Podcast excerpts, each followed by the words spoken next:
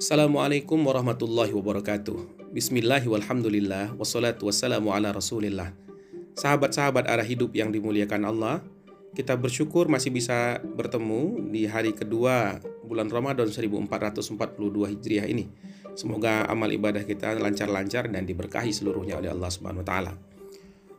Kita masuk ke episode ke-32 dari serial Jejak Rasul dan kita akan bicarakan tentang hijrah Rasulullah SAW bersama para sahabat beliau. Tempo hari kita sudah bincangkan bahwa dakwah di Madinah disambut dengan cukup masif dan jauh lebih baik daripada apa yang terjadi di Makkah selama 13 tahun belakangan. Maka dinamika dakwah yang demikian baik itu dipandang oleh Rasulullah SAW sebagai sebuah pertanda bahwa memang mimpi-mimpi dan visi yang diperlihatkan oleh Allah Subhanahu wa taala kepada beliau merujuk kepada tempat yang bernama Yasrib ini. Kemudian hal itu di follow up oleh Rasulullah dengan mendatangi sahabat-sahabat beliau dan mengatakan sesungguhnya Allah sudah mengizinkan kalian untuk pindah ke negeri yang lebih baik. Ini pun kemudian disambut oleh para sahabat dengan bersemangat karena memang karakter para sahabat Nabi ini adalah bersegera dalam kebaikan. Mereka ada yang merancang hijrahnya sendiri-sendiri bersama keluarganya maupun saling berkoordinasi dengan sahabat-sahabat yang lain. Hanya hijrah tidak semudah itu bisa berjalan karena orang-orang Quraisy bukan sekedar tidak menginginkan agama baru ini tumbuh di negerinya sendiri, tapi mereka tidak ingin agama ini tumbuh dan pindah ke negeri lain. Apa-apa yang tidak bisa tumbuh di negeri kami juga tidak boleh subur di lahan orang. Nah, maka segala macam upaya untuk merintangi hijrah ini dilakukan oleh orang-orang Quraisy dan ada beberapa kisah pilu yang terjadi. Di antaranya apa yang terjadi pada keluarga Abu Salamah. Abu Salamah radhiyallahu anhu sudah bersiap-siap untuk berhijrah bersama keluarga kecilnya, Ummu Salamah dan anaknya yang bernama Salamah. Keluarga ini dahulunya adalah keluarga yang pergi hijrah ke Habasyah lalu melahirkan anaknya yang bernama Salamah itu di sana. Nah, ketika kembali ke Makkah, ini adalah trip kedua dari hijrah mereka. Kita ketahui bahwa Ummu Salamah radhiyallahu taala anha adalah salah satu istri Nabi sallallahu alaihi wasallam, tapi waktu ini pada saat kejadian ini suaminya yang awal masih hidup yakni Abu Salamah. Uh, ketika mereka akan berangkat sudah menaikkan beban ke punggung untanya, datanglah sekelompok laki-laki dari kalangan Bani Mughirah, keluarga besar dari Ummu Salamah ini. Dia katakan, kepada Abu Salamah, kau mungkin bisa pergi, kami tidak akan halang-halangi, tapi istrimu dan anakmu tidak bisa ikut, karena istrimu adalah keluarga besar kami. Maka Abu Salamah tidak berdaya tuh menghadapi eh, orang-orang ini, terpaksalah dia merelakan istrinya untuk ditahan, untuk tidak bisa pergi ke Madinah, lalu harus tinggal bersama keluarga besar mereka. Kejadian itu kemudian ditangkap oleh Bani Abdul Asad pula mereka ini keluarga besar Abu Salamah, jadi ini keluarga besar pihak perempuan dan laki-laki. Dari keluarga Bani Abdul Asad mengatakan dia menyusul ke Bani Mughirah.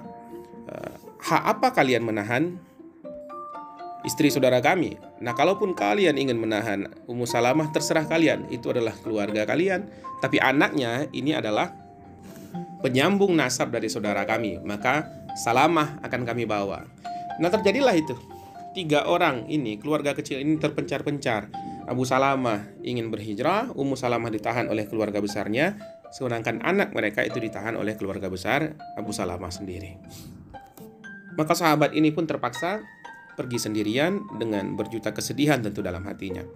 Nah, di kemudian hari nanti eh, terjadi lagi penyatuan antara keluarga ini sekira satu tahun atau kurang sedikit daripada itu. Jadi cukup lama mereka terpencar-pencar sebagai sebuah keluarga. Uh, salah satu dari Bani Mughirah yang masih terhitung paman oleh Ummu Salamah datang lalu dia mengatakan kepada keluarga besarnya, "Kenapa kalian tidak bebaskan perempuan malang ini? Kalian sudah pisahkan antara seorang anak, istri dan suami." Maka Bani Mughirah pun insaf lalu mereka membebaskan uh, Ummu Salamah, membiarkan dia untuk pergi menyusul sang suami. Nah, uh, setelah itu Bani Abdul Asad pun melakukan hal yang sama, mengembalikan sang anak kepada Ummu Salamah.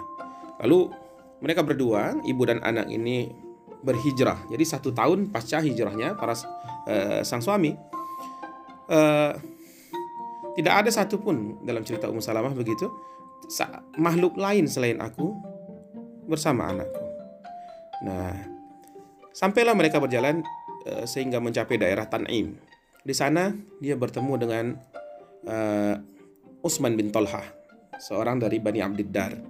Ditanyakan oleh Utsman, uh, Wahai kamu, Ummu Salamah, wahai putri Abu Umayyah, mau ke mana kalian? Aku ingin menyusul suamiku ke Madinah, kata Ummu Salamah. Utsman bin Talha kemudian bertanya lagi, Siapa yang mengawal kalian? Apakah tidak ada orang lain yang bersama kalian untuk menemani? Kata Ummu Salamah, Wallahi tidak ada. Cuma aku, anakku, dan kami serahkan semua urusan kepada Allah. Lalu kata Utsman bin Talha, saya tidak akan biarkan kamu berjalan sendiri. Lalu dia e, menyediakan unta, menyuruh Ummu Salamah dan anaknya naik dan kemudian mengawal. E, perjalanan ibu dan anak ini ke Madinah. Utsman bin Talha pada saat itu belum muslim karena Utsman nanti akan masuk Islam pasca perjanjian Hudaybiyah. Tapi rasa kemanusiaan dari seorang lelaki terhormat melihat uh, seorang ibu dan anak yang terlunta-lunta demikian mendorongnya kebaikan hatinya itu telah mendorongnya untuk berkorban demi uh, kedua manusia ini. Karena sebenarnya Allah menitipkan cinta yang universal di dalam hati tiap-tiap manusia. Apakah kita mau mengikuti panggilan dari rasa cinta itu atau tidak itu adalah pilihan selanjutnya dan memprihatinkan di zaman sekarang hal-hal yang seperti ini pasti jarang terjadi. Orang tidak lagi mau mempedulikan urusan orang-orang, jangankan orang jauh, orang dekat saja kadang tidak dipedulikan. Maka Utsman bin Tolah menjadi teladan dalam hal kecekatan dalam memberikan bantuan kepada orang yang membutuhkan. Utsman mengantarkan Ummu Salamah sampai tiba di uh, Kuba. Nah, menurut informasi yang didapati memang Abu Salamah uh, berdiam di Kuba itu. Maka sampai di perbatasan Kuba itu dikatakan oleh uh, Utsman, "Wahai Ummu Salamah, masuklah ke kota ini. Aman-amanlah hendaknya engkau di sana." Lalu Utsman pun pulang tanpa meminta imbalan apa pun. Nah, uh, di kemudian hari, kebaikan Utsman bin Tolhah ini menjadi buah bibir bagi Ummu Salamah. Dia katakan, pada peristiwa hijrah mungkin tidak ada lagi yang lebih sedih daripada apa yang kami alami, yang keluarga kami alami. Dan pada peristiwa itu pula aku menganggap bahwa tidak ada salah seorang pun sahabat yang lebih memuliakan perempuan, sahabat mulia yang memuliakan orang lain seperti Utsman bin Talha. Kisah lain lagi mungkin dari Suhaib Ar-Rumi. Pada saat Suhaib mau hijrah, kaum kafir Quraisy menghalangi dia. Lalu dikatakan kepada Syuhaib, engkau datang ke sini sebagai gelandangan, engkau hina. Lalu kamu tinggal di sini lalu berhasil mengumpulkan harta yang banyak di negeri kami. Sudah kamu capai apa yang engkau inginkan. Lalu sekarang kamu mau hijrah begitu saja, lalu mau pergi begitu saja membawa semua harta bendamu itu. Nah, hal ini tidak bisa kami biarkan, kata orang Quraisy. Kata Suhaib, kalau begini bagaimana? Biarkan aku pergi akan kutinggalkan semua hartaku. Maka kata kaum Quraisy, oke, okay, imbalannya adalah seluruh hartamu. Kata Suhaib, baiklah. Maka diberikanlah seluruh harta hasil pencariannya itu yang selama ini bertahun-tahun dia kumpulkan di Makkah Al-Mukarramah ah, demi hijrah, demi mendapatkan kehidupan yang damai, mendapatkan tempat yang kondusif untuk beribadah kepada Allah Subhanahu wa taala. Begitulah pengorbanan para muhajirin. Ketika mendengar kabar Suhaib ini Rasulullah mengatakan, beruntung Suhaib itu, sungguh beruntung Suhaib. Padahal kan pada uh, pandangan material kita itu rugi sekali harta yang demikian banyak dikorbankan hasil pencarian bertahun-tahun tapi kata Rasulullah itu keberuntungan karena harta itu telah dibelanjakan di jalan Allah Subhanahu wa taala. Inilah yang digambarkan kemudian oleh Allah di dalam Al-Qur'an lil fuqara il muhajirin alladziina ukhriju min diyarihim wa amwalihim yabtaguna fadlan min Allah wa ridwana wa yansuruna Allah wa rasulah ulaika humus shadiqun orang-orang fakir dari kalangan muhajirin. Kenapa fakir? Ya hartanya disita begitu, terpaksa ditinggalkan. Ada yang tidak membawa harta sama sekali, ada yang membawa secukupnya saja. Yang ada yang terpisah dari keluarga seperti kisah keluarga Abu Salamah tadi. Mereka terlunta-lunta, mereka susah betul untuk pergi berhijrah itu. Dan mereka pindah negeri itu semata-mata mengharapkan fadilah keutamaan dari Allah Subhanahu wa taala, mendapatkan ridha dari Allah Subhanahu wa taala dan dengan niatan untuk membantu agama Allah dan membantu perjuangan Rasulullah sallallahu alaihi wasallam. Wa yansuruna Allah wa rasulah. Nah, Uh, kemudian sahabat-sahabat lain juga pergi. Umar bin Khattab juga melakukan hijrah. Ada kisah-kisah tentang hijrahnya Umar yang dilakukan dengan terang-terangan, tapi sampai menantang begitu ya, sampai menantang orang-orang. Siapa ini masyhur kisah ini? Siapa yang ingin uh, anaknya jadi yatim, siapa yang ingin istrinya jadi janda, silakan halangi perjalanan saya ini kalau berani, karena Umar demikian perkasanya uh, versi dari cerita ini macam-macam tapi saya mendapati sumber dari misalnya tulisan Sahih Sirah Nabawiyah Dr. Akram Dia Al-Umari dia katakan bahwa kisah ini kita ragukan karena rata-rata para sahabat itu melakukan hijrah dengan strategi yang sama yakni diam-diam tidak menimbulkan keributan karena keributan yang dipicu oleh satu orang bisa berakibat kepada terhalangnya hijrah sahabat-sahabat yang lain. Allah Subhanahu wa taala alam. Kemudian Tolha hijrah, Hamzah hijrah, Zaid bin Haris, Abdurrahman bin Auf, Zubair bin Awam, Abu Huzaifah bin Yaman, Utsman bin Affan dan lain-lainnya sahabat-sahabat utama Nabi uh, melakukan hijrah ke Yathrib yang kemudian akan dinamai dengan Madinah Al-Munawwarah. Semoga Allah merahmati semua pengorbanan beliau-beliau itu, para pendahulu kita yang saleh. Maka tinggallah Rasulullah SAW di Makkah. Selain orang-orang yang ditahan oleh keluarga atau dapat cobaan dan halangan yang memang tidak bisa mereka selesaikan, yang bisa berhijrah tapi tetap tinggal di Makkah tinggal tiga orang yakni Rasulullah Shallallahu Alaihi Wasallam kemudian Ali bin Abi Thalib kemudian Abu Bakar As-Siddiq radhiyallahu taala anhum. Melihat gelombang hijrah yang demikian masif maka orang-orang Quraisy berusaha melakukan konspirasi terakhir mereka. Kumpullah pemuka-pemukanya dan mereka kemudian bersepakat untuk menunjuk dari tiap-tiap kabilah itu satu orang pemuda yang kuat dan terhormat yang akan mereka tugaskan untuk mengepung rumah Rasulullah Muhammad SAW. Pada saat mengepung itu mereka akan melakukan pembunuhan dan pembunuhan itu harus dilakukan dengan tebasan pedang masing-masing pihak satu kali sehingga nanti yang bertanggung jawab atas kematian Rasulullah SAW adalah uh, seluruh kabilah dan dengan demikian Bani Hashim tidak akan bisa memerangi mereka seluruhnya. Bagaimana cara satu kabilah melawan seluruh kabilah yang lain? Dan ujung-ujungnya ini akan berakhir pada denda saja, pada diat, tebusan. Tapi wa makaruhum wa makarullahu Allahu khairul makirin. Orang bikin makar, orang-orang kafir membuat rencana-rencana jahat. Allah punya rencana dan Allah sebaik-baik perencana. Semua percakapan mereka itu diberikan oleh Allah Subhanahu wa taala informasinya kepada Rasulullah sallallahu alaihi wasallam. Lalu Rasulullah memanggil Ali bin Abi Thalib Ali radhiyallahu anhu kemudian menghadap Nabi, kata Nabi, "Kamu akan tinggal di sini." Di malam pengepungan itu Ali ditugaskan oleh Rasulullah SAW untuk tinggal di rumah, di rumah Nabi, kemudian tidur di tempat tidurnya Nabi dengan berselimut. Ini sebagai pengelabuan yang tentu saja punya resiko Eh, kepada Ali bisa salah bunuh tapi kata Nabi kepada Ali bin Abi Thalib tidak akan sampai kepadamu apa pun yang tidak engkau sukai maka ini sebenarnya adalah jaminan keselamatan atas Ali dan apa-apa yang datang dari lisan Rasul adalah benar Wama anil hawa in huwa yuha. Kalau Nabi sudah menjamin maka jaminan itu adalah jaminan dari Allah pada hakikatnya. Selain itu Nabi memang juga masih membutuhkan Ali untuk tinggal dulu di Madinah sebagai orang terakhir yang akan membagi-bagikan atau mendistribusikan kembali harta-harta yang dititipkan kepada Rasulullah SAW oleh orang-orang kafir Quraisy.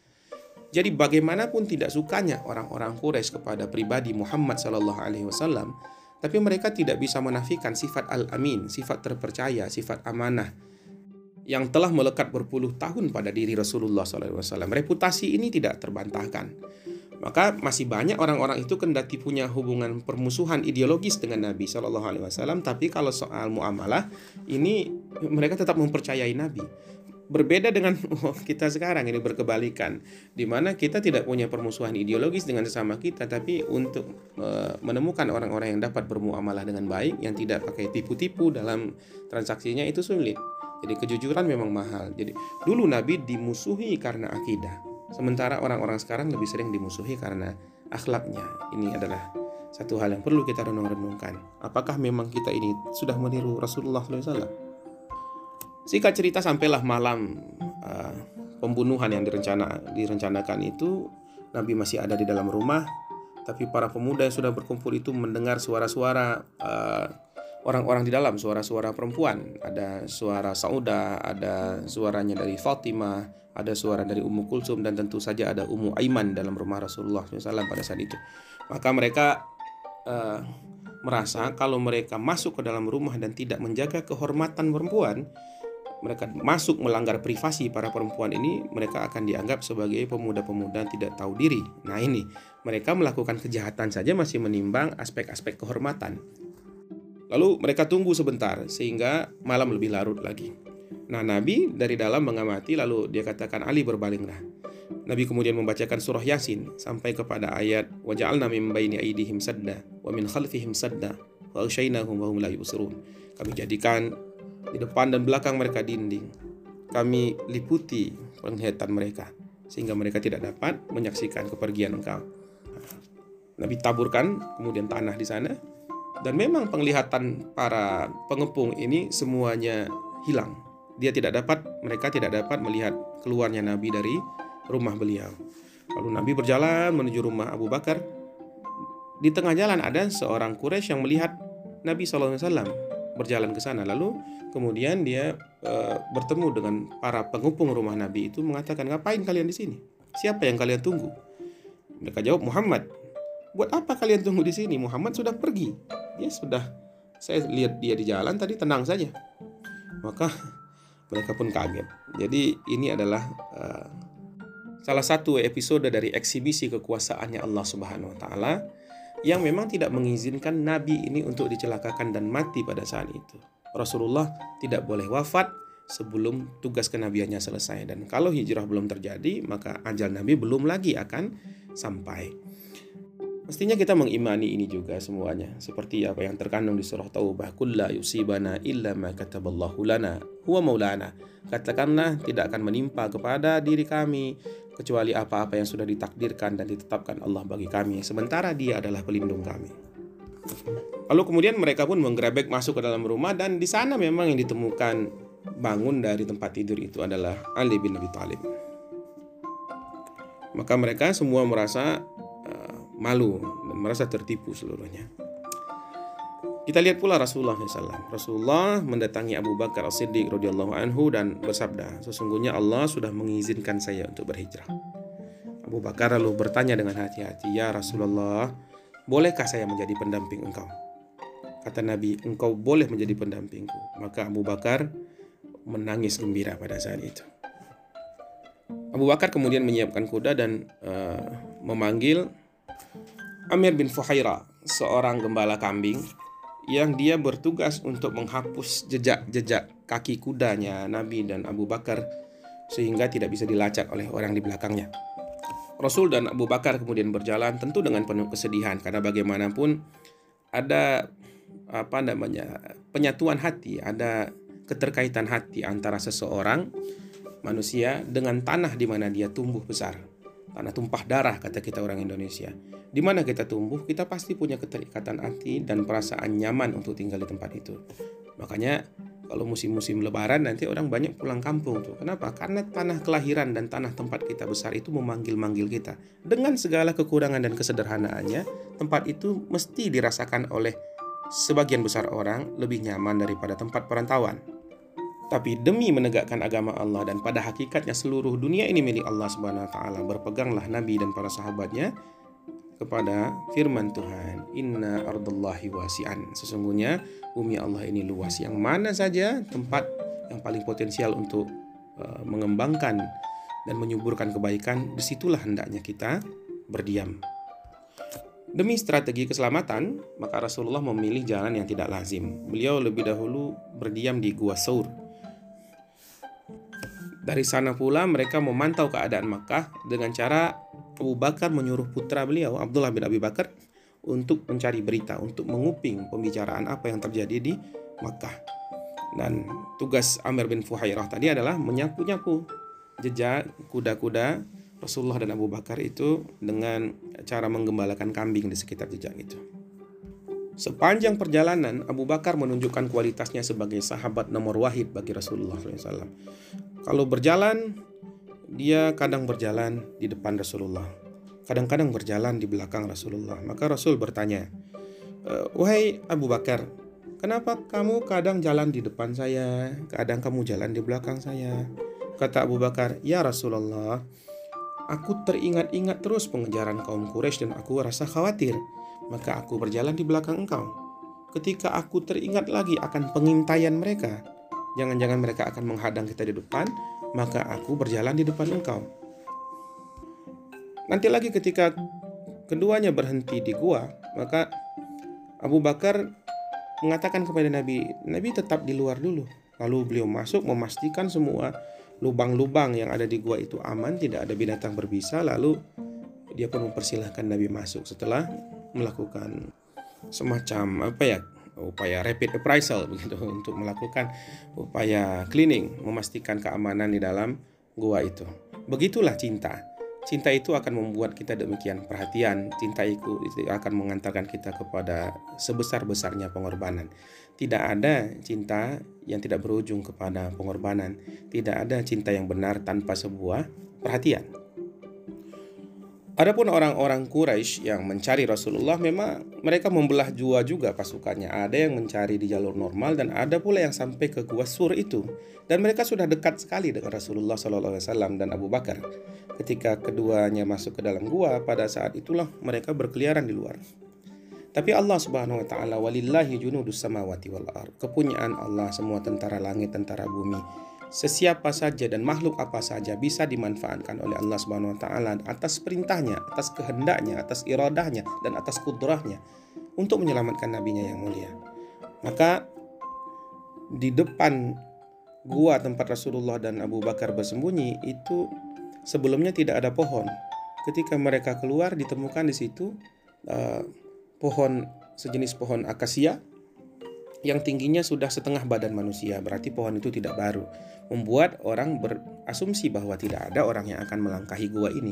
Gua ini tidak dimasuki manusia atau binatang apa pun sehingga uh, dengan leluasa pohon itu tumbuh di depan-depan mulut gua itu.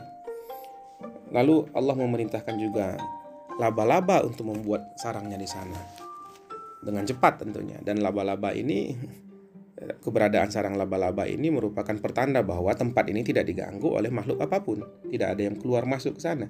Di situ pula Allah perintahkan dua ekor merpati untuk mengerami telurnya. Nah, keberadaan merpati yang mengerami telur di situ tentunya juga melambangkan dari tiadanya gangguan dan tidak ada satupun kegiatan yang terjadi di tempat itu. Maka Allah Maha Besar, Dia bisa menolong hambanya dengan cara apa saja. Pada situasi krisis itu, Abu Bakar cemas. Cemas bukan karena takut mati tentunya, tapi dia mencemaskan masa depan agama ini.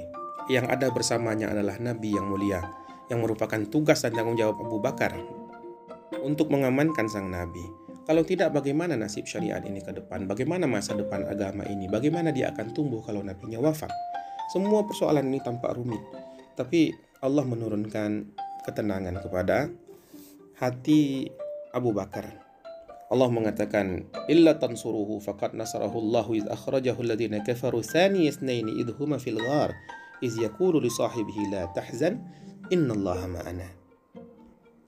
Ini adalah peringatan dari Allah untuk kita semua. Kalau engkau tidak menolongnya tidak menolong Rasulullah maka Allah yang akan menolongnya. Ingatlah ketika dia terusir keluar dari negerinya diusir oleh orang-orang kafir. Sedangkan mereka berdua apa sedang berada di dalam gua yakni Rasulullah dan Abu Bakar.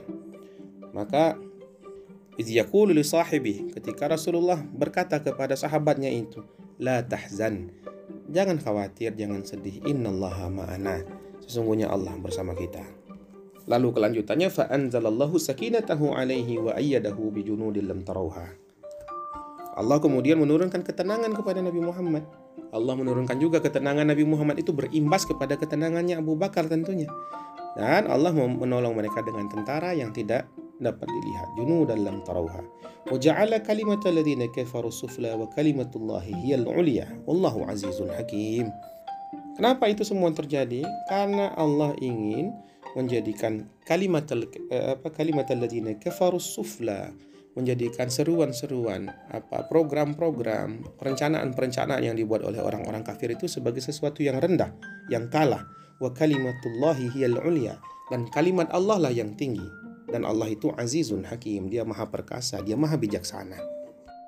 Tapi Nabi dan Abu Bakar belum sepenuhnya bebas karena kaum Quraisy itu eh, yang merasa kehilangan Rasulullah SAW, mereka membuat sayembara, menjanjikan hadiah 100 ekor onta bagi siapa saja yang bisa membawa beliau berdua kepada mereka. Nah, sementara Nabi ini masih berhenti di gua Sur, tiga malam Nabi ada di situ. Datang pula ke sana Abdullah bin Abi Bakar dan Asma tentunya. Asma binti Abi Bakar yang datang kepada uh, Nabi dan ayah beliau untuk mengantarkan uh, makanan, mengantarkan logistik. Pada satu ketika nanti uh, ketika akan menaikkan bekal bekal-bekal makanan itu ke punggung unta, tidak ada tali pengikatnya. Maka Asma melepaskan sabuknya, membelah duanya, kemudian separuh digunakan untuk mengikat barang-barang Nabi dan barang Abu Bakar. Makanya Asma nanti bergelar sebagai Zatun Niqatain, eh, sang pemilik dua sabuk. Itulah keustak keutamaan yang dimiliki oleh Asma binti Abi Bakar. Nah, sekalipun Amir bin Fuhairah sang penggembala kambing itu sudah menghapus jejak-jejak yang ada dari unta Nabi dan uh, dari kuda Nabi dan uh, Abu Bakar bukan berarti jejak itu totally tertutupi. Karena orang-orang Arab utamanya lagi nanti orang-orang Baduy itu adalah pencari jejak adalah para pet finder yang sangat hebat. Mereka itu masih bisa melihat di antara jejak-jejak kaki kecil kambing misalnya. Ada jejak lama dari unta atau dari kuda mereka bisa lihat. Dan itulah yang dilakukan oleh seorang yang bernama Surakah bin Malik bin Jaksham dia begitu bernafsu untuk mendapatkan hadiah 100 ekor onta. Dia mengikuti sayembara dan uh, dia memacu kudanya mengikuti jejak yang telah ditinggalkan oleh Nabi dan Abu Bakar. Nah, dia bisa membaca jejak itu dengan cukup baik. Namun kudanya terperosok, dia jatuh. Lalu kemudian dia pacu lagi kudanya, dia jatuh lagi untuk kedua kalinya. Dia pacu lagi kudanya, dan saat dia melihat Rasulullah SAW, bersama Abu Bakar dan rombongan. Di rombongan itu ada tadi Amir bin Fahirah dan ada satu orang lagi yang namanya Abdullah bin Uraikid. Abdullah bin Uraikid ini penunjuk jalan yang pada saat itu masih musyrik dia. Nah, teman dia adalah orang yang terpercaya yang uh, diupah untuk menunjukkan jalan ke Madinah karena jalan yang dilalui ini bukanlah jalur normal. Pada kali ketiga Surakoh terjatuh itu dia melihat di dalam penglihatannya rombongan Nabi SAW itu diikuti oleh semacam asap yang bergulung-gulung seperti tofan. Ketika menyaksikan itu maka uh, Surakoh menyadari ini orang dilindungi oleh kekuatan lain, mungkin Tuhan melindunginya. Maka dia memanggil, "Aku Surakoh bin Malik." Aku akan katakan sesuatu kepada kalian dan kalian tidak akan uh, mendapat gangguan dari saya karena Surakoh sudah sahat, sudah sadar bahwa dia tidak akan bisa menghentikan Nabi. Nabi pun pada saat itu memberikan satu kabar yang merupakan nubuah, merupakan visi kenabian. Kata Nabi, Surakah, bagaimana nanti kalau kalau kalau kukatakan nantinya engkau akan memakai pakaian atau perhiasannya Kisra, Kisra yang raja Persia. Kalimat ini terngiang-ngiang di benak Surakah dan nanti pada saatnya pada masa kekuasaan Umar bin Khattab sebagai khalifah, Umar berhasil mengarahkan pasukan kaum muslimin untuk menaklukkan Persia dan mengambil ghanimah dari kekuasaan Kisra. Dan pada saat itu Umar teringat dengan apa yang dahulu pernah dikatakan Rasulullah SAW kepada Surakah maka Surakah pun dipanggil Wahai Surakah ke sini engkau. Surakah menghadap Umar lalu dipakaikan oleh Umar. Di atas kepalanya itu mahkota Persi mahkota Raja Parsi ikat pinggangnya dan semua kaum muslimin yang mengetahui kisah ini pun menyadari innallaha la yukhliful mi'ad. Allah tidak pernah menyalahi janjinya. Kisah unik lainnya mungkin ada dalam pertemuan Rasulullah dengan Ummu Ma'bad dari suku Khuza'ah. Di tengah perjalanan itu eh, Rasul dan Abu Bakar menemui orang ini yang punya seekor kambing yang kurus sekali. Kambing kurus tidak punya air susu Lalu Rasulullah SAW mengusap dengan tangan beliau di bagian perut kambing tersebut. Beliau menyebut asma Allah Subhanahu wa taala lalu berdoa dan kambing itu seketika menghasilkan susu untuk anak-anaknya dan sebagiannya diperah oleh Rasulullah SAW untuk minum rombongan ini yang terdiri dari empat orang. Kemudian beliau minum dan memerah lagi Susu itu kemudian memenuhi wadah persediaan minuman yang dibawa oleh Rasulullah SAW. Nah, ketika Abu Ma'bad, suami dari Ummu Ma'bad ini pulang dan Rasulullah serta rombongannya sudah pergi, dia bertanya kepada istrinya, apa yang terjadi? Tadi ada seorang lelaki yang diberkati datang ke rumah kita ini, dia bicara begini, begini, begini, lalu dia melakukan hal ini, ini, ini, begitu yang sudah diceritakan tadi. Dia memerah susu kambing yang tiba-tiba susunya ada itu. Maka kata Abu Ma'bad, Wallahi, kalau orang itu yang engkau sebutkan ciri-cirinya mirip sekali dengan orang yang sedang dicari-cari oleh kaum Quraisy. Demikianlah perjalanan yang berat itu berlalu, sampailah Nabi kemudian di Kuba, di uh, satu kota sebelum kota Madinah. Pada tanggal 12 Rabiul Awal, pada hari itu bertepatan dengan hari Senin, ada pula muarikh yang menghitung bahwa Tanggal itu bertepatan dengan 27 September 622 Masehi. Allahu alam. Demikian mudah-mudahan bisa menjadi ilmu dan wawasan yang bermanfaat bagi kita semua. Allahumma sholli ala Muhammad wa ala ali Muhammad. Wassalamualaikum warahmatullahi wabarakatuh.